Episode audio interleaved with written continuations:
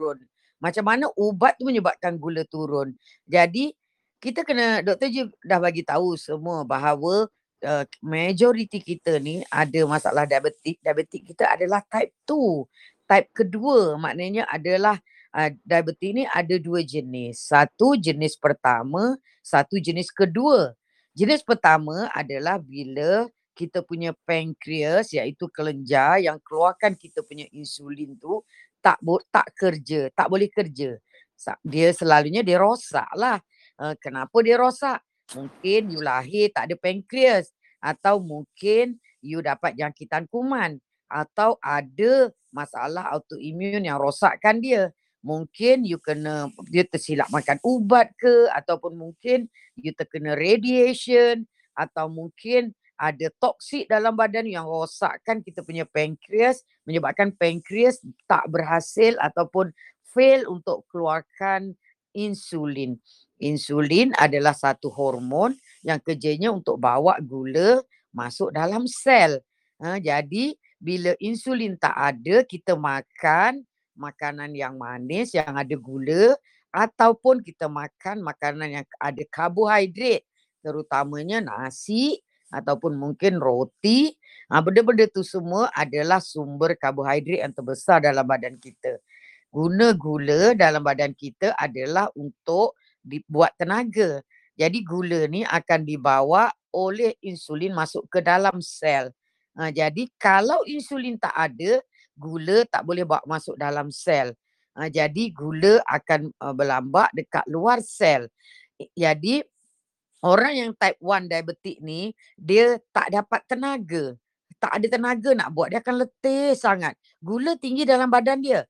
Tetapi gula ni pula tak boleh ditukar jadi uh, lemak. Sebab apa? Sebab insulin yang kerjanya storekan gula yang berlebihan dalam badan kita. Insulin tak ada, lemak pun tidak boleh terbentuk. That's why orang yang ada masalah apa ni diabetik type 1 ni selalunya letih, kurus, kering sebab tak ada lemak, yang ada muscle saja. Dan kadang-kadang bila apa ni uh, gula tak ada dalam badan, badan kita pula dia ambil muscle kita untuk dijadikan gula juga, untuk dijadikan tenaga. That's why dia selalu kurus, kering. Berbeza dengan diabetic type 1 yang majoriti kita ada. Diabetic type 1 ni bukan sebab kita tak ada pankreas. Bukan sebab pankreas kita rosak. Eh, diabetic type 2. Jadi diabetic type 2 adalah keadaan di mana pankreas kita ter, uh, kerja berlebihan. Ha, dia terbalik dengan type 1 tadi. So bila uh, apa ni uh, pankreas kita bekerja berlebihan, kenapa dia bekerja berlebihan? Yang merangsang pengeluaran insulin adalah gula. So bila kita makan banyak sumber gula, banyak sangat nasi, banyak sangat apa ni makanan-makanan yang ada gula menyebabkan insulin asyik keluar aje. Bila dia keluar apa ni apa ni namanya uh, gula masuk semua dalam sel. Sel kita dah penuh. Bila sel dah penuh, insulin dah tak boleh masuk dalam gula. Tetapi gula yang dekat luar ni juga, dia perlukan insulin untuk dibawa masuk dalam lem jadi lemak, untuk disimpan dekat hati. Jadi apa yang berlaku, insulin meroket dalam badan kita. Insulin yang banyak menyebabkan kita dapat keadaan dipanggil insulin resistant. Insulin resistant maknanya badan kita, tubuh kita dah tak hirau kehadiran insulin. Sel-sel kita dah tak ambil, tak nak ambil gula sebab uh, dah tak nak terima. Dia lah senang cerita dah jemur dengan kita. Asyik keluar je mana dia nak kerja keadaan tu dipanggil insulin resistant. Jadi kita kena tahu kenapa kalau kita makan ubat, salah ubat ni kerjanya adalah naikkan kita punya insulin. Jadi insulin yang, yang uh, ni insulin ni akan tolak-tolak gula masuk dalam sel, uh, convert gula jadi lemak. Jadi that's why gula drop. Dan majoriti ubat-ubat yang kita makan, ubat suplemen lah masuk doktor Ju, uh, suplemen dekat luar sana. Cara dia bertindak sama macam ubat-ubat ni. Dia naikkan insulin dalam badan kita. That's why mula-mula adalah guna ber, apa ni uh, bekerja sikit lah dia, dia kurangkan insulin sensitif uh, dia naikkan insulin sensitivity mula-mula dia okey tapi lama-lama you punya badan akan resistant juga Maknanya akan resisten juga pada ubat tu. Mula-mula makan okey sebiji lah. Kena makan dua biji, tiga biji. Sama macam makan ubat. Mula-mula minum satu sudu je. Uh, suplemen tu lama-lama kan satu cawan pun tak jalan dah.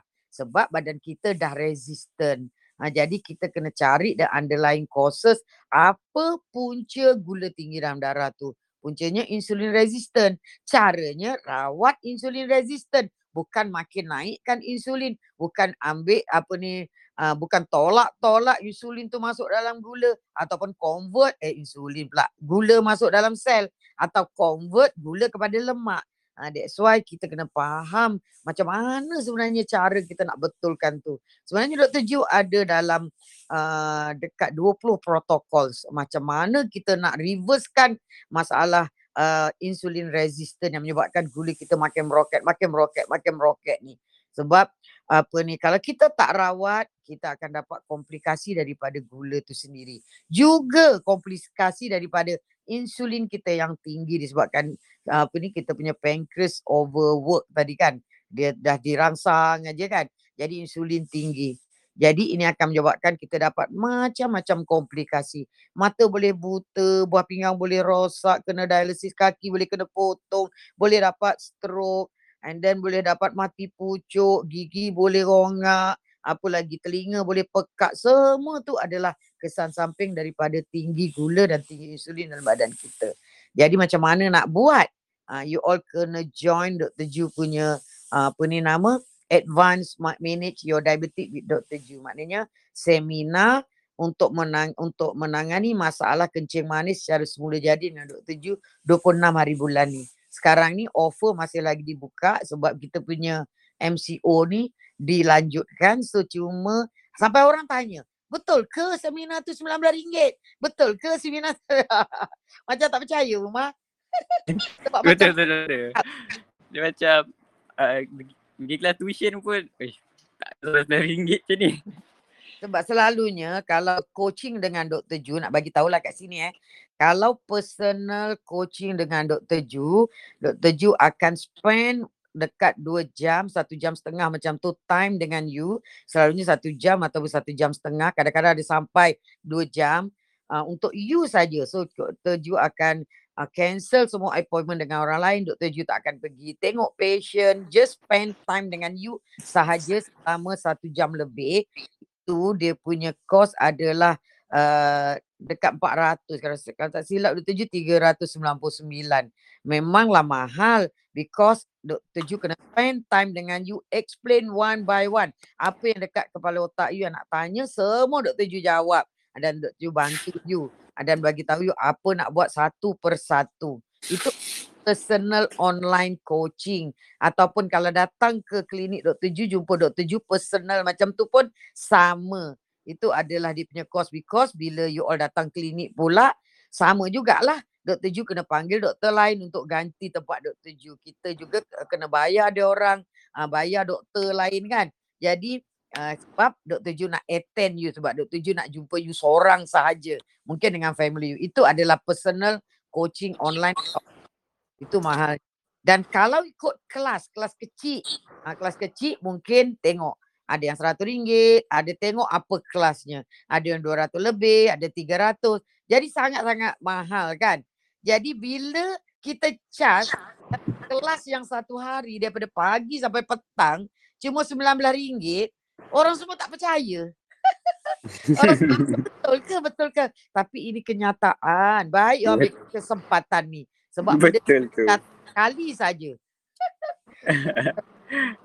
Sebab sembilan ringgit. Siapa nak bagi sembilan ringgit doktor? Entah. Minyak okay. tangkap nak kalau habis tu pun lebih RM19 satu hari. Setuju tak klinik dekat lah habis. Setiap hari tu pergi balik tu mana ada cukup RM19. Tak ada.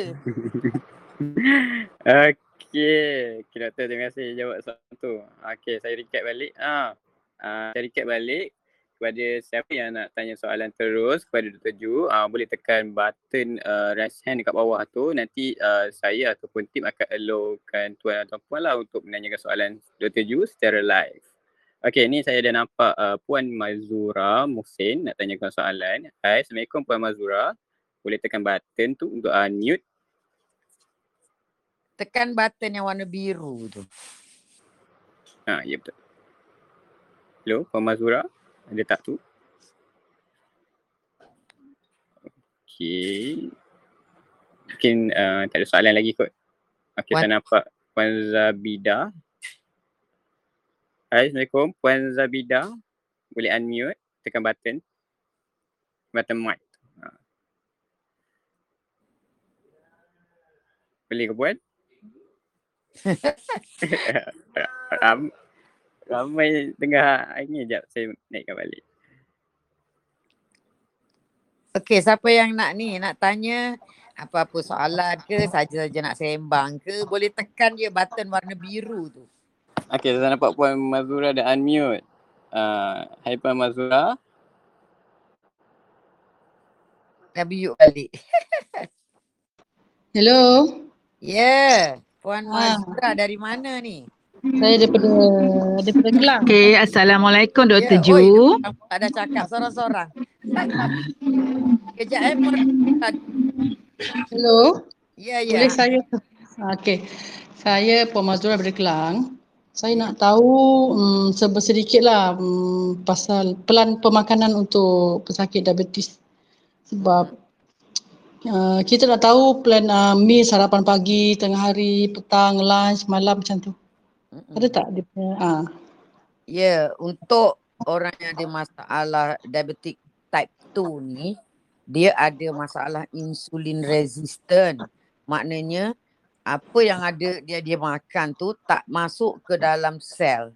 Ha, dia tak masuk ke dalam sel jadi dia akan simpan dekat lemak ataupun dia buang ikut kencing ha, ataupun apa ni dia simpan dalam hati menyebabkan hati berlemak, menyebabkan obes, yang ada gula. Ha, jadi ubat yang kita doktor bagi selalunya cuma sama ada dia naikkan lagi insulin ataupun ada ubat macam Jardin dia bagus dia buang gula ikut kita punya uh, kita punya uh, pundi kencing ataupun ikut punya buah pinggang. Uh, juga ada juga ubat-ubat yang suppress kita punya makanan gula daripada masuk ke dalam darah kita. Jadi pelan pemakanan untuk orang yang bermasalah diabetik ni terbaik sekali memang bukan terbaik pun sebab apa yang berlaku pada kita adalah sebab kita salah makan. Sebab makanan yang kita ambil bertahun kita hidup 40 tahun, 50 tahun ada yang 60 tahun salah. Dan kita kena tahu eh zaman dulu-dulu kalau you tengok Dr. Ji semalam cakap zaman Nabi uh, Adam, zaman lepas tu zaman 100 ribu tahun lepas lah. Uh, kita makan semua natural. Tak ada apa pun. Kita tak ada oven, kita tak ada minyak, kita tak ada apa pun. Jadi genetik kita ni dah didesign daripada zaman tok nenek moyang kita dulu adalah makan benda yang natural, yang semula jadi. That's why orang zaman dulu dia jarang sakit. Even Nabi-Nabi Adam orang kata umurnya sampai berapa puluh berapa uh, seribu tahun ke apa. Sebab dia orang makan semua natural. Tak ada bakar, tak ada apa sebab maknanya dia just petik buah-buahan macam tu kan. Kita pun tak tahu Allah alam lah macam mana cara dia makan. Lepas tu bila lima ribu tahun ke uh, lepas, lima ribu tahun lepas mungkin dia dah dapat uh, otak dia, uh, dia punya urat saraf. Kenapa kita, dia punya uh, fiber-fiber otak dia dah mula bersambung. So dia dah pandai perah, uh, dia dah pandai buat minyak. Tapi minyak tu still semua jadi crude. Crude tu maknanya minyak mentah lah kalau dia uh, perah minyak zaitun tu kosong saja. Kalau perah kelapa tu santan saja contohnya lah. Jadi masih lagi natural. Uh, dia orang tengok waktu tu only 10% je tak natural. Tapi apa yang berlaku pada zaman kita sekarang adalah apa yang kita makan 90 hingga 80% adalah tidak natural. Kita makan semuanya processed food. Apa yang kita makan tu uh, menyebabkan apa, apa badan kita dah tak kenal apa yang kita makan. Banyak badan kita yang tak kenal. Yang dulunya gula bercantum dengan fiber, sekarang gula tu sendiri je. Ha, dan bila kita makan terus gula meroket. Jadi maknanya kita yang mengubah makanan kita tanpa kita tahu sebab kita adalah daripada generasi yang lepas-lepas. Jadi generasi kita dah diajar. Mungkin mak bapak kita ajar lain. Tapi kita pergi masuk universiti kita jumpa lain. Mak bapak kita tak ajar pun makan burger, makan hot dog. semua mak bapak kita makan benda semua natural. That's why dia orang tak, tak ada kencing manis. Walaupun genetik kita ada kencing manis. So peran pemakanan kita adalah kita kena ubah. Ubah semua apa yang kita dah salah menyebabkan kita sakit hari ini. Ha, kalau kita dah sakit hari ini takkan kita nak back kepada benda yang tak betul. So kita kena buat very low carbohydrate diet. Kalau gula you tinggi, you on multiple medication, you all in, on insulin. Memang langsung tak boleh ambil gula, langsung tak boleh ambil karbohidrat. Mana karbohidrat sangat-sangat rendah. That's diet yang terbaik adalah ketogenic diet. That's why Dr. Ju ajar ketogenic diet dan you all pula kena faham apa dia ketogenic diet. Kena belajar juga all out. Ah, all out pasal ketogenic diet. Maknanya dan kita kalau you all punya diabetic teruk sangat, ubat you dah multiple, dah on insulin, you kena combine ketogenic diet tu dengan intermittent fasting dengan puasa. Why kalau you tanya plan pemakanan apa pagi tak ada makan tidak. Pagi jangan makan. You kena makan after 10 dan dan dinner you kena makan before five, before six. Maknanya selepas pukul enam tak boleh makan dah. You kena minum air saja. So lepas tu besok pagi you kena buat exercise. Doktor Jo akan ajar sebenarnya kalau dalam seminar tu. Buat exercise semua. Lepas pukul apa ni pukul sepuluh uh, baru you makan. Apa you nak makan supaya you tak lapar aja. Uh, jadi waktu buka pukul lima petang atau pukul lima setengah sebelum pukul enam you kena makan high fat, very high fat. Ha, contohnya you kena buat bulletproof coffee. You kena makan apa ni benda-benda yang ada lemak lah sebab sekarang ni you all semua otak dah diracuni oleh farmasi menyebabkan lemak tu jahat, lemak tu jahat, lemak tu jahat, lemak tu kolesterol. Mana buktinya? Ada kebukti yang menyatakan lemak tu menyebabkan kolesterol. Ha, itu yang Dr. Yu ada cerita, ada bagi lecture pasal penipuan dalam lemak ni dalam saturated fat ni. Kita semua kena tipu kata telur tu nanti kolesterol sakit jantung. Ada ke bukti telur adalah makanan yang terbaik dekat dalam dunia. So kalau tak apa, waktu pukul 5 tu you buat bulletproof coffee. Bulletproof coffee adalah kopi yang you campur dengan butter, pure butter bukan margarine. You campur dengan minyak kelapa MCT oil. Ha, lepas tu you letaklah susu ke you blender. Lepas tu you makan telur. Lepas tu buatlah sup sayur ke apa kan. Uh, jadi kat situ very low carbohydrate. Sebab itu adalah yang tok nenek moyang kita makan dulu. Kalau kita nak letak mungkin apa ni uh, benda-benda macam karbohidrat macam uh, nasi ke kena sangat sikit. Kalau boleh buat nasi resistant.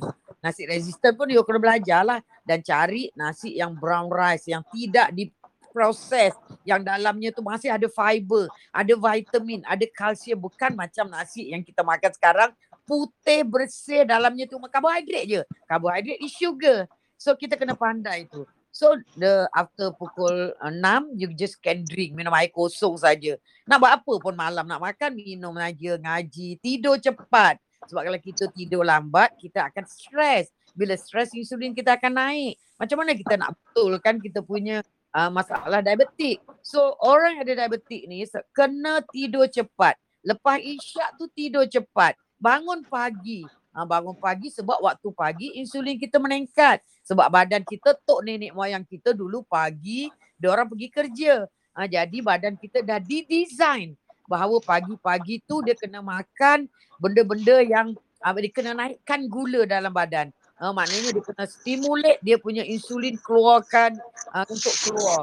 Stimulate simpanan-simpanan kita yang ada dekat hati, yang ada dekat lemak dipecahkan untuk dapat tenaga because orang zaman dulu pagi-pagi dia keluar kerja cari makan. Uh, ke zaman dulu lah nak berburu ke nak apa kan. Jadi kita punya badan dah didesain macam tu. Jadi kalau kita lambat bangun, Lepas subuh tidur balik, itu yang macam-macam penyakit datang. Gula meroket, insulin meroket, bangun pagi sakit kepala, sakit sendi, sakit macam-macam. Simptom-simptom yang menunjukkan gula you tinggi macam Dr. Ju explain dalam Dr. Ju punya live semalam. Jadi benda tu uh, kita kena tak boleh makan sampai pukul 10. Kenapa daripada 9, 6 sampai 10 tu kita uh, yang eloknya kita minum air saja. Sebab waktu tu uh, kita kena bagi badan kita 16 jam waktu untuk repair. Kalau kita asyik makan saja macam apa yang kita buat sekarang, uh, badan kita tak sempat nak repair. kalau you ada masalah jantung, kita mana tahu dalam badan kita jantung rosak, hati rosak, apa rosak. Bagi kita tak nampak kan. So bila masa dia nak repair kalau kita asyik makan saja. Jadi waktu tu adalah waktu repair. So pukul 10 you, you boleh breakfast. So breakfast tu kalau you tak nak lapar, tak nak aja pun kena very high fat. So you boleh ambil macam lemping kelapa, lemping daripada lemping daripada tepung kelapa. You boleh makan juga apa ni nak sebab you dah perempuan ni pagi tu kan. So di ex, macam breakfast jugalah. So you boleh ambil chia seed, you boleh ambil lemping flax seed, you boleh makan dengan kari, you boleh buat bu, apa ni bulletproof coffee, you boleh buat bulletproof coffee ni tak semestinya coffee. You boleh blender dengan uh, buah-buah yang low low glycemic index kan ataupun you letak avocado ataupun you boleh juga buat teh kosong, teh hijau ke apa kan. And then tengah hari uh, macam pukul dua ke macam tu you boleh makan lah. Uh, makan kali ni you boleh lah makan kalau buat ketogenic diet is up to you lah. Kalau gula you tak meroket uh, you boleh lah ambil nasi resistant kalau you tak ada lah kencing manis sangat lagi. Kalau you punya gula memang dah teruk, insulin dah tinggi, macam mana you nak offkan insulin kalau you masih ambil lagi makanan yang menyebabkan gula lagi tinggi, insulin lagi tinggi kan. So untuk kita untuk dalam ketogenic diet, that's why Dr. Ju ajar macam mana buat makanan-makanan macam konjac lah, kauli rice lah, uh, roti-roti kita. Pagi tadi Dr. Ju buat bun, oh cantik betul. Bun yang tak ada menggunakan tepung ataupun roti apa ni, roti burger yang tak pakai tepung. Cantik sangat pagi tadi jadi. Jadi maknanya kita kena tahu dulu apa berlaku dalam badan kita dan lepas tu baru kita uh, tahu cara macam mana uh, nak mengatasinya dan kita kena belajar juga pasal ketogenic diet supaya you makan sedap tapi you you makan gula tak meroket. Itu yang sangat penting. So kalau kita just cakap saja tapi you tak study why why why why high fat, why fat tinggi, why ini, why ini, why ini, you macam buat tak appreciate. Lepas tu you akan kecewa sebab you buat sebab terpaksa bukan sebab you buat ada knowledge. Lain tau, beza tau. You buat sebab doktor suruh. Dengan you buat sebab you ada you ada ilmu. Mana aku buat ni. Jadi kalau misalnya ada ilmu macam tu, you tahu nak mau modify makanan kita. Mana kita tahu nak macam nak buat roti yang tak ada gula naik, macam nak buat bubur yang menyebabkan uh, gula kita tak meroket, macam mana nak buat kuih uh, kuih apa ni nama kuih ketayap ke ataupun mungkin nak buat kuih buah melaka ataupun nak buat kuih apa ni nama uh, tepung pelita tetapi kuih yang kita makan tu langsung tak menyebabkan gula naik sebab dia tak ada tepung, dia tak ada gula. Tapi kita kena bijak sebab tu Dr. Ju dalam uh, ni nanti Dr. Ju akan buat satu lagi kelas selama ni Dr. Ju dah buat banyak kelas sebenarnya untuk masak uh, tapi gula tak meroket masak apa ni makan gula tak meroket maknanya hashtag makan tanpa rasa bersalah okey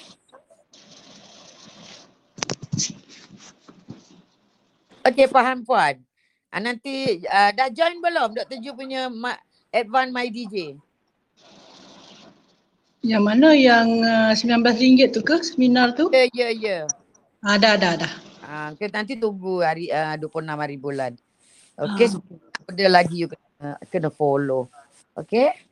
Okay. Okay. Okay, terima kasih Puan Mazura menanyakan soalan. Okay, Dr. Ju. Yeah. Ha, uh, saya punya patient yang ada kencing apa yang ada diabetic food ulcer tu kirim saya. Dia cakap terima kasih untuk roti keto pagi tadi tu. Waalaikumsalam. Ini Wah. doktor yang buatkan roti. Uh, uh, sebabnya sebabnya uh, masa dia mula-mula datang tu okay dia punya condition tu uh, kira kaki dia tu agak teruk jugalah. Waktu tu masa dia mula datang tu dia punya gula dah lebih kurang dalam 20 macam tu. So kita dah dia buat intermittent fasting, dia buat ketogenic diet and then uh, beberapa hari gula dia makin turun lah. Sekarang uh, dah enam.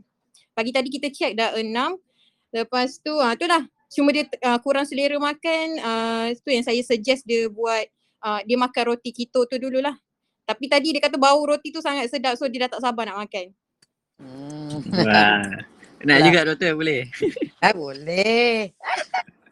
Okay. jual uh, tepung uh, roti keto ni dia boleh dapati dekat drjukitoshop.com. Ha, jadi dekat situ ada jual roti keto. Jadi kena belajar lah macam nak buat bukan susah pun dia bancur-bancur ikut aturan. Tapi yang peliknya tu uh, orang ikut dalam tu pun tak jadi. Pelik entah mana tangan apa ke. Dia nak tangan duk tuju ni. naik berkembang berkembang kembang gila kalau Dr. Ju buat. Tadi yang second group lagi kembang. Cantik. Puan Okey. Zabida nak tanya apa? Sorry. Ah, Puan Zabida, ah, boleh unmute untuk tanyakan soalan kepada Dr. Ju. Assalamualaikum warahmatullahi wabarakatuh. Ya, Waalaikumsalam. Perlahan pula. Ya ke? Sebenarnya, Dah kuat dah. boleh? Ya. Okey. Sebenarnya semalam ada ikuti Dr. Ju punya tanda-tanda kencing manis, eh, kan tanda-tanda gula tinggi dalam darah tu. Ya. Bila diikuti tu macam ada je semua tanda-tanda tu kan. Jadi nak buat macam mana ya? Macam manis ke? Uh, macam ni, uh, masa bulan satu hari tu memang ada pergi jumpa doktor. Uh, doktor, sejaya gua jumpa doktor, dia punya gula 6 point something lah. Lepas tu memang ada darah tinggi lah jadi, tapi saya kata saya tak nak lagi makan ubat uh, kencing manis tu. Jadi dia kata, doktor kata, "Ah, kawal dia kata kan, kawal pemakanan. Jadi saya hanya on uh, ubat darah tinggi je lah, ubat kencing manis tu tak uh, tak ada on lah kan. Jadi bila bila bila dengar salam tu eh, semua tanda-tanda gula tinggi dalam darah ni ada dekat badan saya sekarang ni. Macam mana ya saya nak buat?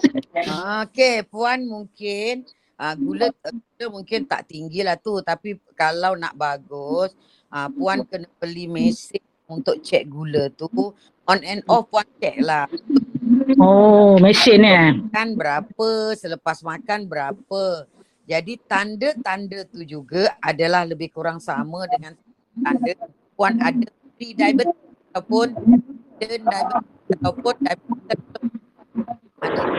Dah sekat-sekat lepas suaranya. ha? Suaranya dah tersekat-sekat. tak berapa clear ke tadi ya. Dua hari lepas Dr. Ju ada bagi uh, live pasal tanda-tanda diabetik tersembunyi ataupun tanda-tanda Hidden. Manis tersembunyi. Ada ada ada saya ada ikuti. Yang tu pun saya ada ikuti. Ah, jadi mungkin puan ni dah ada pre-diabetik tadi. Ah, tapi Nah, dia nah, belum manifest. So puan kena follow protokol Dr. Ju uh, untuk supaya puan tak payah makan ubat tak bagus. Ah, jadi Hmm. macam mana nak supaya you punya gula tidak meroket apa ni Hmm. tanpa makan ubat. Jadi Hmm. puan dapat komplikasi semua. So puan sekarang overweight Yalah Dr. Ju tapi kira je adalah turun kalau dulu tu 80 lebih tapi sekarang ni dah 79 tapi tak pergi jumpa doktor bulan 7 nanti baru nak jumpa doktor. Ah, jadi ha. pertama puan kena kuruskan badan dulu. Yalah. Cara nak kuruskan badan tapi makan sedap. Ah itu yang puan kena follow ketogenic diet. Ah, ah Hmm. jadi nanti ah, badan kurus tapi makan sedap. Ah cuba kita kena buat intermittent fasting. Semua tu doktor Ju ajar dalam ah, seminar 26 hari bulan ni. Puan dah Hmm. register? Ah, dah register dah tapi tak pasti confirm ke belum confirm register saya tu. Dah Nanti baik. nak tanya nanti tim Dr. Ju akan call nanti ataupun Ah, akan WhatsApp. Uh, InsyaAllah dia akan Hmm. WhatsApp uh, dari masa ke masa ke semasa lah. Sebab ada Hmm. seribu lebih orang kan. Jadi ya. yeah. lah. Tapi uh, memang ada ada dalam kita orang punya database lah tu kalau dah bayar tu. Okay. Tak bayar belum lagi baru daftar. Oh tak bayar lagi? Ah, belum belum. Uh, daftar macam mana? tak tahu ada, hari tu ada klik satu tu kata nak join je. Ah, tu je. Oh. Ha. Okay. Puan siapa namanya? Zuba Zabidah yang Zabidah Yahaya. Okay, nanti biar biar apa ni nama apa ni tim Dr. Ju akan hubungi puan lah. Ha, boleh boleh boleh. Apa ada tim dekat sini tolong take notes ya. Puan Zabidah Mhm. ni nanti uh, uh, dia orang akan PM puan lah. Ha, Uh, okey okey. kan benda ni eh puan. Ya ya. Kita jumpa 26 hari bulan insya-Allah. Uh, Okay, untuk masa untuk buat masa ni apa yang saya perlu buat doktor? Buat masa ni off gula dulu. Dah off belum?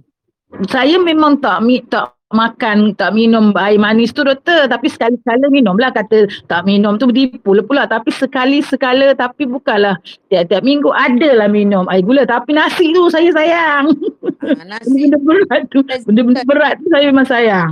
nasi dah buat nasi resistant dah. Belum lagi. Nanti baru nak cuba hari ni. Baru nak cari minyak zaitun. Eh minyak zaitun pula. Minyak apa? Minyak ke- minyak kelapa dara. Minyak kelapa. Ha. Kalau minyak kelapa dara kan bau tengik nasi kan. Oh ya ke? minyak kelapa pun boleh ke? Ha, yang organiknya dia tak ada dia tak ada bau. Oh tak payah pula nak carinya. Kalau minyak kelapa dara tu bah, ada kat kedai tu. Kurangkan juga nasi tu. Buat su- sementara ni buat suku-suku separuh dulu. Oh, ada buat doktor. Memang saya buat suku-suku separuh tapi selalu makan. Ha, Bila dah rasa tanda yang gula gula tinggi semalam tu kan. mm-mm. Ay, baru rasa yang doktor kata ada tanda dekat leher lah. Ya, ya. Ha, lepas tu nak buang air pun payah. Memang saya kadang ada alaminya dalam seminggu dua ni memang macam tu. Sejak bulan puasa tu memang ada alami macam uh, nak buang air susah macam sembelit. Tu pelik tu kenapa ya? Apa tu betul yang dengar semalam tu. Oh gula tinggi ke? Tu yang rasa pelik tu tu rasa risau lah. Kena buat juga macam mana nak uh, nak kurang nak kurangkan nasi tu. Sebab itu Hmm. eh, sebenarnya ketagih dekat ni, ketagih dekat karbohidrat lah dipanggil Ya. craving. Maknanya karbohidrat craving. Jadi dia punya Hmm. otak tu asyik memanggil-manggil nak nasi. Hmm. Betul dekat perut tu dah yang kenyang awak. tapi dekat dekat mana tah dekat selera tu nak makan nak makan. Ha, Hmm. caranya puan buat dulu intermittent fasting tu. Jangan Oh. makan lepas pukul 6 dan breakfast lepas pukul 10. Buat Oh tu. maksudnya masa tu masa tu baru makan ubat darah tinggi tu ya? Ya, ya. Ha. Maknanya pukul 6 makan ubat darah tinggi, lepas tu tidur, besok kalau nak ubat lain lepas pukul 10. Maksudnya uh, ubat darah tinggi tu makan pagi. Ha, yalah kalau pagi tu pukul 10 lah. Jadi tiap-tiap hari Ha, ha. Pukul 10 lah, pukul 10 pagi lah makan dia ya. Dan buat nasi resistant. Itu dulu yang mula-mula you kena buat. Intermittent okey okey. fasting, buat nasi resistant dan buat suku-suku separuh. Okey. Banyakkan lemak lah. Bila kita banyak lemak, kita tak lapar. Masalahnya bila Hmm. makan nasi banyak tu yang insulin asyik dirangsang, dirangsang, dirangsang. Ha, itu asyik Hmm. lapar, lapar, lapar. Okey. Okey. Okay, Lemak tu contohnya macam apa ya Cikgu Ju? Uh, Cikgu Doktor Ju? Lemak tu yang banyakkan lemak tu contohnya macam apa ya lemak tu? Ha, contohnya makan banyak telur, Telur, Contoh- telur ha. Telur tu memang banyak. pakai minyak kelapa macam minyak MCT oil tu lah. Butter. Ha, tapi hmm. jadi Hmm. benda tu akan menyebabkan kita muak. Jadi kita tak nak makan lagi. Nasi, Oh. kadang orang makan nasi dengan ikan masin je. Jadi kat situ tak ada tak ada langsung apa dipanggil Lemak. zat makanan. Bila kita Hmm. makan nasi dengan ikan masin, cuma ada garam dengan eh, protein ikan yang dah rosak tu. So lepas tu yang ada dalam tu nasi saja. Jadi bila kita makan Hmm. nasi saja, maknanya gula tinggi, 100% nasi tu. That's why Ya, bila ya, kita ya, ya. makan uh, cuma nasi dan ikan masin, kita akan tambah lagi, tambah lagi, tambah lagi. Ya Sebab betul betul naik, betul. naik, naik. Tapi kalau you makan uh, uh, nasi uh, suku-suku separuh, nasi tu gantikan macam na- apa yang Dr. Ju buat dulu Uh, nas, uh, sayur tu separuh pinggan. Sayur tu gantikan dengan nasi. Makan sayur, lauknya nasi. Terbalikkan. Dia kena belajar Hmm. daripada sekarang. Sebab Dr. Ju dulu-dulu kan macam tu juga. Lepas tu belajar sikit-sikit-sikit sampai sekarang ni dah boleh tak makan nasi pun seminggu tu, sebulan pun bulan puasa tu pun tak ada masalah pun sebab kita dah Hmm. ketagihan. Tapi kena mula dan usaha. Yang lain tu doa minta Allah Ta'ala, ya Allah Ta'ala aku tak nak ni, aku nak hilang daripada ketagihan ni. Aku nak hilang, aku tak nak ikut aku punya ni. Ni aku dah rosak ni badan aku ni. Dah macam-macam Hmm. dah tanda ni. Ha. Cakap macam tu dengan diri sendiri. Hari-hari cakap, aku boleh, aku boleh, aku boleh. Aku nak off ni. Aku nak uh, kurangkan nasi. Aku nak kurangkan nasi. Uh, macam ni. Aku nak baik. Aku nak sehat. Aku Ya tak nak ya. dia kena self talk dipanggil. Kena cakap dengan diri sendiri selalu. Okay. Hmm. Okey lah doktor. Lagi satu doktor, buah-buahan apa buah-buahan yang elok untuk uh, buah-buahan diabetes? Ha. sebenarnya untuk orang kencing manis buah-buahan sebenarnya sangat limited. Sikit je Oh. kalau kita betul-betul kencing manis, kita boleh makan buah satu hari setengah cawan je. Untuk Oh, jam. Maknanya kalau anggur tu setengah cawan. Kalau makan jambu tu setengah cawan. Belimbing setengah cawan. Yang uh, kalau misalnya uh, lagi satu yang low GI, low glycemic index punya buah ni sebenarnya apa tahu berries. Mahal. Blueberry, strawberry. And then uh, belimbing tu kurang lah. I mean, maknanya okey sikit. Tapi tak boleh makan banyak juga. And then lagi satu yang Dr. Ju baru jumpa. Sebenarnya tu tahu apa kita panggil macam apa ni nama panggil jambu yang eh, yang jambu air merah tu rupanya yang kecil-kecil. Oh itu sebenarnya dia macam strawberry. Dia very low GI. Kan dia pahit-pahit. Itu sebenarnya bagus sebenarnya. Cuma kita sekarang mana nak jumpa. And then jambu batu tu pun kalau dia masak pun tak bagus. Dia kena yang Oh, crunchy-crunchy lagi tu. Maknanya oh. mangga, jangan ambil yang manis. Ah dia kena makan yang mengkal-mengkal lah. Makanlah dengan ah, kicap, ah, kicap pun ada gula. Hmm, kita betul lah. garam ke garam garam Hmm. uh, garam yang terbaik kalau nak dengan garam tu ga, uh, benda yang masam you makan dengan garam adalah satu tips untuk you hilangkan ketagihan kepada karbohidrat tu. Doktor je ada baca, ada tengok video uh, somewhere lah yang dia orang buat kajian macam mana nak hilangkan ketagihan gula, ketagihan makan nasi ni. Rupanya caranya adalah ambil benda masam dengan garam. So you ambil mangga masam tu letak garam. Garam terbaik adalah garam buluh. Garam buluh tu kalau lagi banyak kali dia bakar lagi bagus sebab dia tinggi magnesium. So Dr. Jo pernah buat pun. Uh, ingat kalau nak makan, kurangkan makan disuruh kita letak garam uh, ni letak kat lidah tu kan itu sunnah kan. Uh, itu pun sebenarnya dia mengurangkan kita punya uh, selera nak makan sebenarnya. Lagi satu doktor Ju Ampal Pak, ah, ha? buah, buah buah naga dengan buah sangkis tu kiranya tak berapa sesuai lah untuk diabetik ya. Orang Ya. ada diabetik ni ataupun pre-diabetik yang sesuai adalah sayur. Banyak-banyak makan. Hmm. Kita kena belajar lah. Walau memang susah sebab kita tak biasa kan. Kita asyik makan nasi. Ya. Saya Kita saya nak- bagi tahu Dr. Ju lah. Memang saya kan kat rumah ni dalam minggu ni dengan minggu lepas memang asyik makan buah naga dengan sangkis. Ah, tu Lepas tu lagi satu apple. Apple merah tu boleh tak? ah, pun sama. Very high. Ah, Hmm. dia- gula dia sangat tinggi. Even hijau pun sama sebenarnya. Hmm. Usaha hilangkan ketagihan tu. Salah satu cari usahanya tu adalah uh, itulah kita buat intermittent fasting tu. Puasa lah kami sistem kami Ah, ya. ketagihan. Yelah hari ni kurang sikit rasa ketagihan nak makan tu. Tak tahu kenapa sebab saya takut sebenarnya. Saya takutlah tu. Ya ke? Tapi boleh pula hilang ketagihannya kalau dah ada. Oh, kita kalau kita nak otak kita Hmm. set aku tak nak dia akan tak. Hmm. Tapi kalau otak kita tak boleh lah. Ini Oh, sudah oh, oh. ah, tak boleh. Sebenarnya Hmm. otak kita ni yang kita kena setkan. Lagi satu kita kena move lah. Banyak jalan kaki. Hmm. Digerakkan. Ha, bila otak kita digerakkan, otak kita tak merewang-rewang. Hilang Ya, stres. ya, ya. Lagi satu orang ketagih ni sebab dia stres. Stres Yelah doktor. Ha, stres tu bukannya bermakna, Dr. Ju dah cakap banyak kali, stres tu bukan bermakna otak kita uh, stres je, mental stres saja. Mungkin body stress, kita penat buat kerja atau mungkin chemical stress dalam badan you banyak stres, banyak toksik dalam badan you, tak Wow. pernah buat detox. Ha, itu menyebabkan bila buat badan kita banyak um, apa nama chemical stress macam tu, toksin banyak dalam badan kita, kita menyebabkan apa ni nama otak kita ni akan mengeluarkan hormon-hormon stres. Hormon tu yang menyebabkan gula naik, insulin naik je, kita lapar je. That's why orang yang stres, dia akan makan aja. Ha, sebab hormon stres tu tinggi. Hormon stres tu memang dia nak nak gula banyak kan sebab dia nak gunakan gula tu sebagai tenaga kan. Uh, Hmm. sebabnya stres pun kena manage. That's why Dr. Ju kalau coaching online dengan Dr. Ju, Dr. Ju akan ajar buat apa ni nama uh, kita panggil breathing exercise tu, exercise pernafasan. Kalau you tengok lecture daripada Ustaz Amin kata silap namanya. Ustaz Amin tu dia uh, dia ceritalah macam mana orang Palestin uh, dia boleh sabar dengan orang Israel. Uh, orang Israel tengking ke, marah ke apa dia sabar saja. Dia mengamalkan benda tu lah, dia mengamalkan breathing exercise. Maknanya dia tarik nafas, buang nafas. Tarik nafas, buang nafas. Sebelum dia buat tu, dia akan baca dulu selawat tiga kali.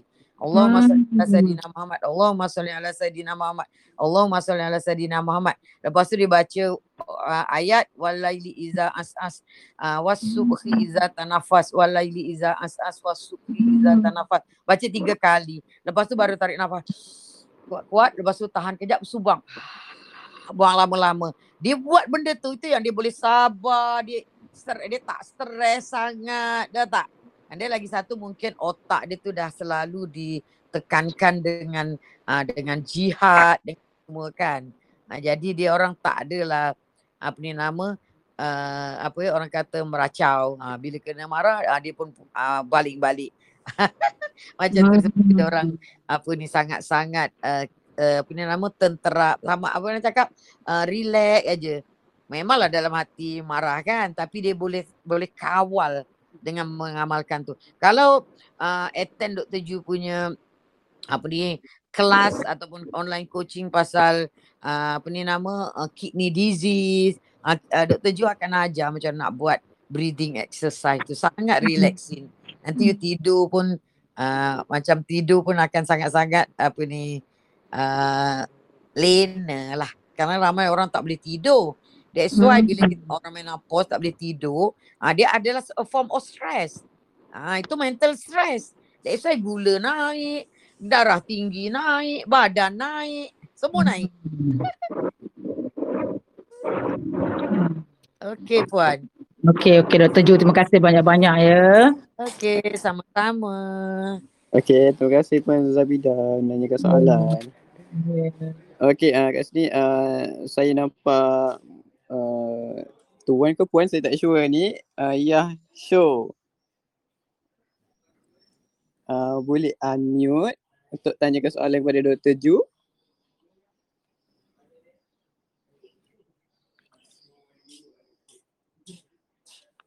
Hello, ada tak? Oh, mungkin tertekan kot. Okey, uh, saya nampak ada puan Tuan Yazid. Okey, hai Tuan Yazid. Uh, boleh tekan button unmute untuk tanyakan soalan kepada Dr. Ju.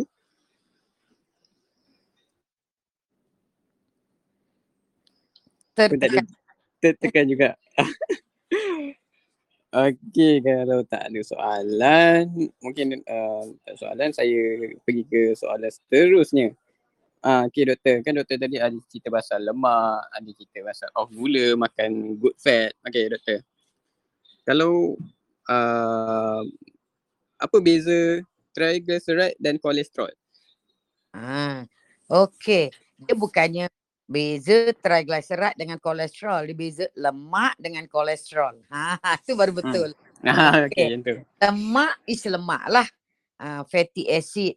Ah, jadi lemak ada saturated fat, monounsaturated fat, polyunsaturated fat, ah, apa ni macam-macam. Itu adalah lemak. Maknanya dalam minyak ada lemak. Ah, kita ada minyak zaitun, minyak kelapa, minyak apa dia bergantung pada kandungan dia. Kita juga ada lemak daripada haiwan. Ha, contohnya lemak daripada lembu, daripada kambing. Ha, kita juga ada lemak dalam susu. Ha, itu adalah lemak-lemak. Dan kita juga ada lemak daripada tumbuh-tumbuhan. Contohnya avocado banyak lemak. Ha, kelapa banyak lemak. Itu adalah dipanggil lemak. Apa dia kolesterol? Kolesterol tu lain pula. Dia ada ester dekat situ. Kolesterol adalah satu bahan yang bukan daripada makanan kita. Tapi bahan yang ada dalam badan kita, yang badan kita synthesize, yang badan kita buat. Jadi kolesterol tu adalah uh, pun uh, dia, dia punya sumbernya adalah daripada gula. Jadi kolesterol ni uh, yang produce adalah hati kita. Ha, jadi kolesterol ni gula bila ada dalam badan kita, glukos bila ada dalam badan kita, bila banyak sangat dalam badan kita, badan kita akan tukarkan gula tadi jadi lemak. Ha, lemak jadi jadi jadi jadi kolesterol lah. Nama kolesterol tu triglyceride. Jadi triglyceride ni sebenarnya yang keluarkan hati kita lah. Dia sintesis daripada gula. Ha, maknanya daripada gula. Jadi go, uh, kolesterol ni uh, akan disimpan dalam kita punya sel-sel lemak jadilah kita lemak. Jadi lemak uh, lemak tu berasal daripada kolesterol triglyceride ni. Uh, jadi triglyceride ni adalah simpanan badan kita dan dia adalah fuel badan kita. Okay. So kolesterol ni juga uh, di uh, ni hati kita synthesize juga sebagai uh, ni apa ni salah satu daripada bahan untuk kita hidup. Maknanya dalam badan kita perlukan triglyceride tu otak kita perlukan triglyceride untuk dia bekerja uh, dia untuk bina dia punya uh, bangunan uh, otak tu lah untuk dia bekerja dengan sempurna. Triglyceride juga digunakan oleh kita punya apa ni kita punya urat saraf uh. Jadi urat saraf kita untuk bertumbuh dengan sempurna. Tak cukup triglyceride, kita akan dapat kebas-kebas. Perjalanan urat saraf kita akan tersekat-sekat. Sama juga otak kita akan cepat nyanyuk kalau tak cukup triglyceride. Hormon kita juga dibuat daripada kolesterol triglyceride tadi. Kita punya apa ni antibody dibuat oleh triglyceride. Kita punya hormon wanita, hormon lelaki, semua dibuat daripada kolesterol ni. Dan kalau you all buat ujian darah, uh, ujian darah untuk tengok kolesterol ataupun lipid profile, you akan jumpa total kolesterol Lepas tu akan jumpa HDL. Kita akan jumpa LDL. Kita akan jumpa triglyceride. Kita akan jumpa HDL total cholesterol uh, ratio. Jadi ada doktor-doktor ataupun you all dengar orang cakap LDL tu kolesterol jahat. HDL tu kolesterol baik. Ini adalah salah. Ini adalah satu apa ni apa ni yang you dengar salah. Even doktor-doktor tu sendiri pun sebenarnya dah buat kesilapan sebab dia tak banyak membaca dan dia lupa apa yang dia belajar dekat medical faculty sana. LDL adalah transport kepada triglyceride. LDL adalah macam kapal, macam kereta yang bawa L, call ni triglyceride tadi yang dibuat oleh hati tadi pergi ke uh, ni ke tisu-tisu untuk hantar hantar triglyceride tadi untuk uh, kita punya sel-sel gunakan. Ha, macam contohnya sel otak, sel saraf, sel apa ni nama yang buat hormon. Ha, contohnya macam itulah. Jadi LDL adalah transport yang bawa uh, triglyceride tadi ataupun kolesterol tu dari hati ke salur darah ke tisu. Ha, itu adalah LDL. Ha, sebab apa ni apa ni maknanya dia transport sebab lemak ni dia tak boleh jalan sendiri. Dia perlukan transport sebab lemak dia tak larut air. Darah kita air. Ha, jadi bila uh, lemak tu dia tak boleh masuk uh, kosong macam tu dia susah nak jalan. And then uh, dan, uh, dan ada satu lagi transport maknanya bila badan kita buat triglyceride banyak-banyak-banyak tu dia ada kat darah kita kan. Uh, dia ada ter, ada yang lepas kat darah kita sebab dia maknanya dia tidak diangkut dia lepas. Ha, jadi apa yang ada ataupun macam LDL dah bawa kolesterol tu ke sel-sel ada balance. Yang balance-balance tu ataupun yang yang merayau-rayau dekat kita punya uh, salur darah yang tak ada pengangkut ni, kita punya uh, badan uh, hati keluarkan satu lagi uh, satu lagi kereta. Kereta tu namanya HDL. Uh, HDL ni adalah satu lagi kereta yang ambil yang angkut ha, kolesterol triglyceride yang lebih-lebih tadi bawa balik ke hati. Ha, bawa balik ke hati untuk di recycle balik. Jadi dua-dua LDL dengan HDL ni adalah transport. Dia bukan kolesterol. Dia bukan lemak. Nama pun LDL tu stand for apa? Low density lipoprotein. Tak ada pun dalam tu lemak. Protein, dia buat dia protein. HDL pula high density lipoprotein. Jadi kalau LDL tu LDL ni bila dia sudah angkut ni dia punya kolesterol tu dah dibagi dekat sel-sel apa yang berlaku? LDL ni akan balik semula ke dalam hati untuk dia angkut yang lain. Uh, tetapi sekarang masalahnya uh, dekat kita punya hati ada reseptor. Reseptor tengok dia kenal oh ini tadi aku punya transport. Masuk masuk balik ke dalam hati dia kata. Kemudian dia pakai balik keluar balik. Masalahnya sekarang apa yang berlaku adalah kita buat satu kesilapan. Apa yang kita buat adalah kita uh, toksikkan, kita rosakkan transport tadi, LDL tadi. Maknanya LDL tadi bagus, cantik, gebu, balik semula, kilat lagi boleh pakai balik. Masalahnya sekarang kita ambil gula, kita ada uh, merokok, kita ada masalah macam-macam yang menyebabkan kita punya LDL tadi rosak. LDL tadi rosak, dia akan jadi satu benda yang asing, yang kecil. Dipanggil LDLP. Uh, LDL partikelnya adalah LDL kecil yang rosak. Bila dia nak balik semula ke hati, hati tak kenal dia. Hati reject dia. Jadi benda yang kecil ni dia dah jadi uh, toksik kepada badan kita LDL yang kecil ni. Dan LDL yang kecil ni lah dia menyebabkan radang pada kita punya salur darah dan kita dia boleh menyebabkan clog dekat arteri kita yang menyebabkan kita boleh dapat masalah apa ni uh, masalah penyumbatan kat salur darah. Jadi masalahnya sekarang kita buat tes darah, kita tak tahu LDL yang tinggi dalam badan tu ada ke LDL yang bagus ataupun LDL dipanggil LDLC ataupun LDLP. Sebab dekat Malaysia kita tak ada ujian yang mengasingkan dua-dua. Jadi kalau LDL you tinggi mungkin sebab you punya badan perlukan banyak kolesterol untuk repair. Especially kalau 50 tahun ke atas. Memang LDL akan tinggi sebab oh badan kita perlukan banyak. Otak kita dah rosak sana rosak, urat saraf sana sana kebas sini kebas dia nak repair. So dia perlukan banyak, so LDL meningkat banyak. Uh, jadi yang yang yang LDL yang rosak tadi uh, dia apa badan kita akan buat adalah badan kita akan keluarkan sistem imun kita dia akan keluarkan satu sel darah merah namanya makrofage. Makrofage tadi akan makan uh, apa ni LDL yang rosak tadi dan dibuang ikut najis kita. Jadi kalau LDL kolesterol kita tinggi, kita tak tahu yang mana satu. Mungkin LDL yang jahat ataupun mungkin LDL yang rosak atau LDL yang baik. The best thing adalah kita buang dulu punca kenapa LDL rosak tu berlaku. Tak ada gula, tak ada merokok, kita makan tak ada proses food, tak ada kimia. Kalau kita ada masalah usus betulkan, kalau kita ada masalah allergic betulkan, banyak benda kita betulkan. Jadi kita tahu kalau kita sehat, ah uh, sehat, uh, makan kita jenis diet sehat, tak ada benda gula normal, tiba-tiba LDL tinggi. Adakah dia bahaya? Mungkin LDL tu adalah LDL yang terbaik yang untuk repair badan kita sebab apa ni kita dah tak ada radang dalam badan kita. Kita dah buat benda semuanya yang betul kan. Yang kat sini yang orang banyak salah.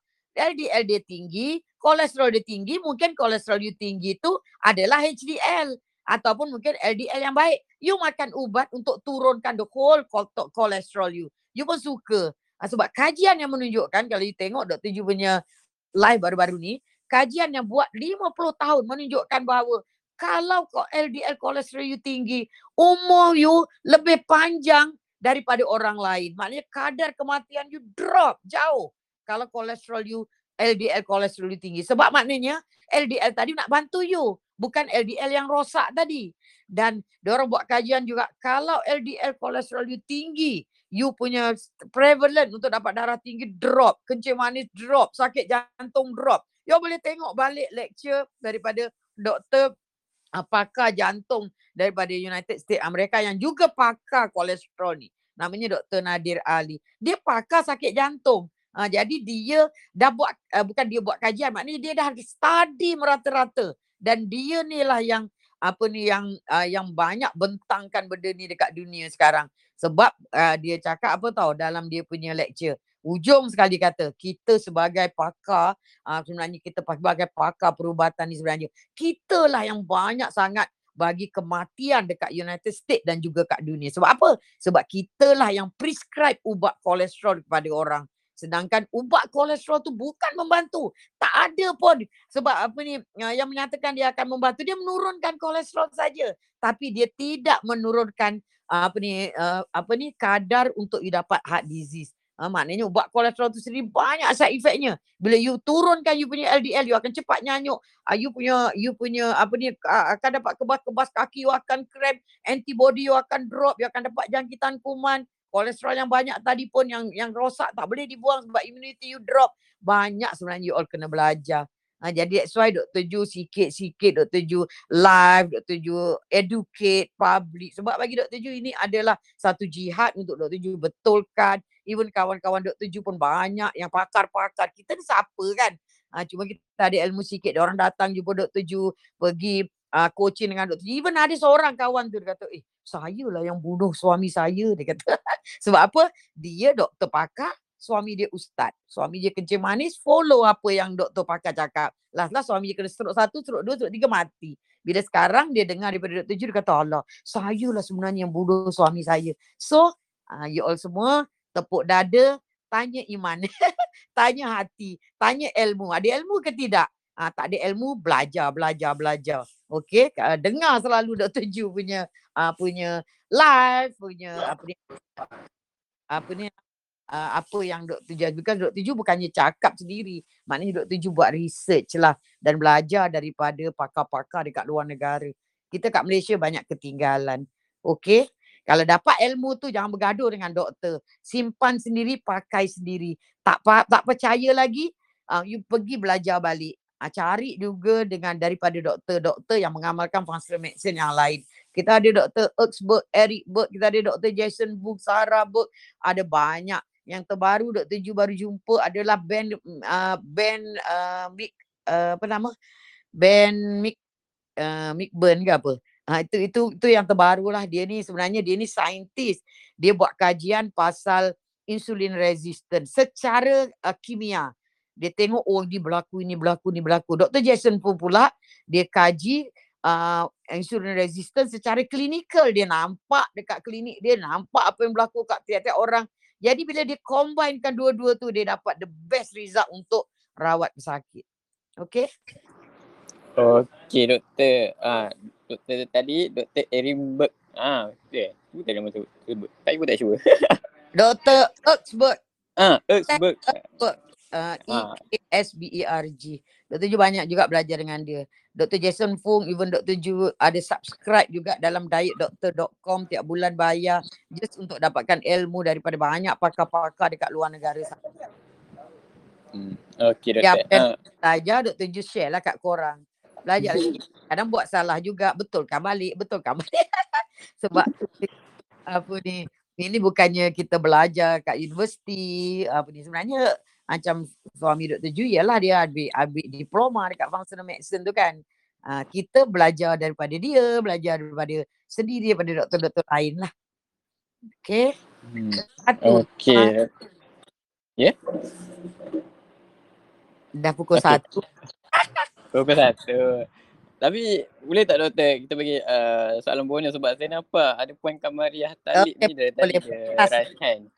Last. Okay. Okay. Uh, puan Kamaria boleh unmute untuk tanyakan soalan. Ah, Assalamualaikum doktor. Macam mana kita nak kawal kencing manis kita makin naik saja doktor. Makan buah mangga. Ah, siapa suruh makan buah mangga? Berhenti makan. Sedap. Ah, inilah sebabnya sebab dia addicted kepada sugar lah. Sebab buah mangga tu sangat tinggi fruktos. Jadi that's why Allah Ta'ala jadikan buah mangga ni datang bermusim. Kalau you nak tahu kenapa Allah Ta'ala jadikan durian tu bermusim. Buah-buah kat, uh, dekat Malaysia ni bermusim. Sebab uh, kita makan in short term saja. Jadi kalau nak naik pun lepas tu yang lain-lain tak ada kan. Tetapi sekarang manusia ni pandai manusia dah jadikan buah-buahan ni tanpa musim. Jadi kan kesan dia kencing manis pun tanpa musim lah. Ha, itu sebenarnya. Jadi maknanya macam mana nak turunkan tu, uh, puan kena berhentilah makan uh, buah tu. Uh, memang berhentilah, jangan beli lagi lah caranya. Uh, Oh, oh okey okey doktor. Ah, lagi satu saya nak tanya ni doktor. Kakak saya tu kaki dia bengkak dari buah ke, uh, sampai keting sampai ke kaki dia. Dia ada sakit apa? Diabetes dia ada. Mm-mm. Jadi kalau orang yang ada masalah diabetes ataupun berusia, kalau kaki dia, dia ada tiga sebab. Pertama adalah dia punya hati rosak. Kedua, dia punya jantung rosak. Ketiga, buah pinggang dia rosak. So dia kena bagi tak kena tengok yang mana satu yang menyebabkan kaki dia bengkak. Kena buat investigation. Selalunya kalau dia uh, yang mula-mula ja- uh, dia dapat kalau dia obes, uh, dia makan ubat, selalu yang pertama dia akan dapat adalah jantung dulu. Ah, jantung dulu, jantung dulu kalau jalan-jalan bengkak. Duduk okey, bangun pagi okey, nanti petang bengkak. Itu selalu dia jantung dah lemah.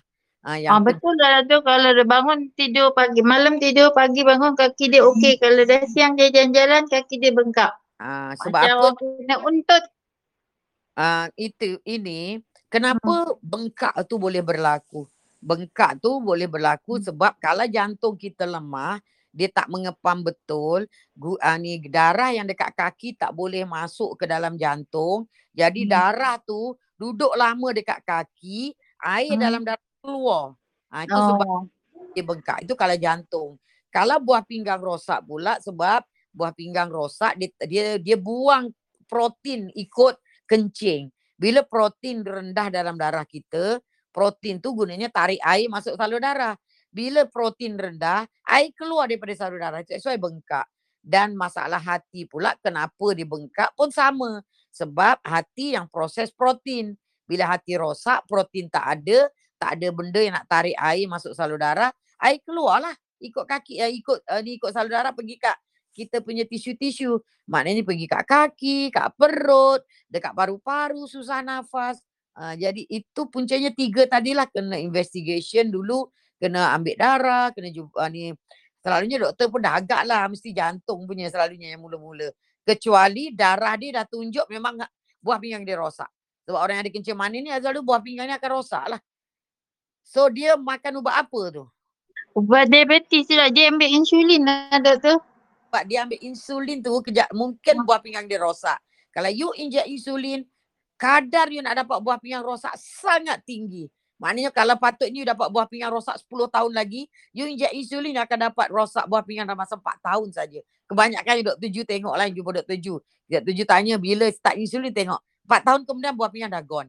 Ha, jadi dia kena, kalau misalnya buah pinggang dia okey lagi, dia kena tahu, dia kena belajar, anak dia kena belajar sebab kalau tidak buah pinggang dia akan rosak. Ha, jadi dia kena belajar macam mana nak off insulin, apa nak buat, dia kena berkorban buat apa saja asal buah pinggang dia tak rosak. Itu mungkin buah pinggang dia rosak lah tu sebab dia dah on insulin. Tapi kadang-kadang doktor akan bagi tahu bila dia dah rosaknya dah tahap lima. Ah, cik ataupun tahap empat. Cik, cik punya buah pinggang dah rosak, pergi buat tapak. Ah, masa tiga dia tak cakap. Masa tiga, ah, tiga A tak cakap. Masa empat tak cakap. Ah, selalu macam tu. So dia kena ambil tahu. Umur dia berapa? Umur dia 66. Oh, baru 66. Dia kena ambil tahu. Dia kena ambil darah pergi swasta lah. Ambil darah, cek eh, mana yang tak betul. Kalau buah pinggang dia tahap 4 ke, ah, dia boleh coach dengan Dr. Ju. Macam mana nak reversekan balik buah pinggang tu.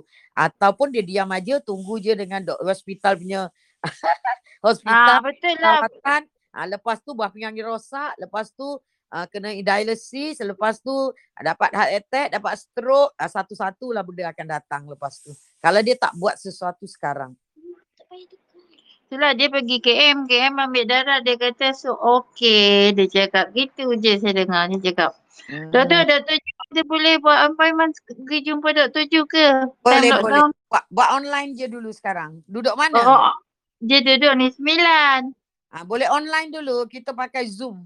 Ah, itu boleh Oh. tak contact tim Dr. Ju. Dia akan bagi appointment. Ah, Dia so, tak pandai kot benda tu. Anak-anak dia takkan tak ada. Dia memang tak Anak dia duduk KL semua doktor dia duduk sini je. Ni sembilan je satu orang je. Suami isteri. sekarang ni kan uh, ni PKP, lockdown. Ah. Kalau tak lockdown boleh. Ramai juga doktor yang Sabah Sarawak pun ada yang datang. Itulah ingat nak pergi Dr. Ju dekat tu. Betul uh, betul kat klinik Dr. Ju boleh ke? Boleh. Cuma sekarang belum boleh lah. Kita tak Oh, sekarang tak boleh eh. Ha. Ya lockdown je. Yelah. Ah. Takut. Tak pergi klinik pun duduk rumah je. Uh, Okey doktor, Assalamualaikum. Waalaikumsalam warahmatullahi Okey, terima kasih Puan Kak Maria tanyakan soalan. Harap uh, Okey, okey. Assalamualaikum. Alam. Okey, harap uh, persoalan yang Dr. jawab tadi uh, dapat juga uh, persoalan uh, penjawab yang kita tanya dalam pemikiran yang, yang orang lain lah. Okey doktor, dah bagi bon dah terlebih dah ni itu saja untuk hari ini semua. Terima kasih Umar. Terima ya. kasih semua yang bertanya. Terima ya. kasih pada yang mendengar. Okey, kita jumpa lagi besok insya-Allah. Okey, yang baik tu daripada Allah Taala, yang tak baik tu atas kekurangan Dr. Ju sendiri. Assalamualaikum warahmatullahi wabarakatuh. Bye. Bye. Waalaikumsalam.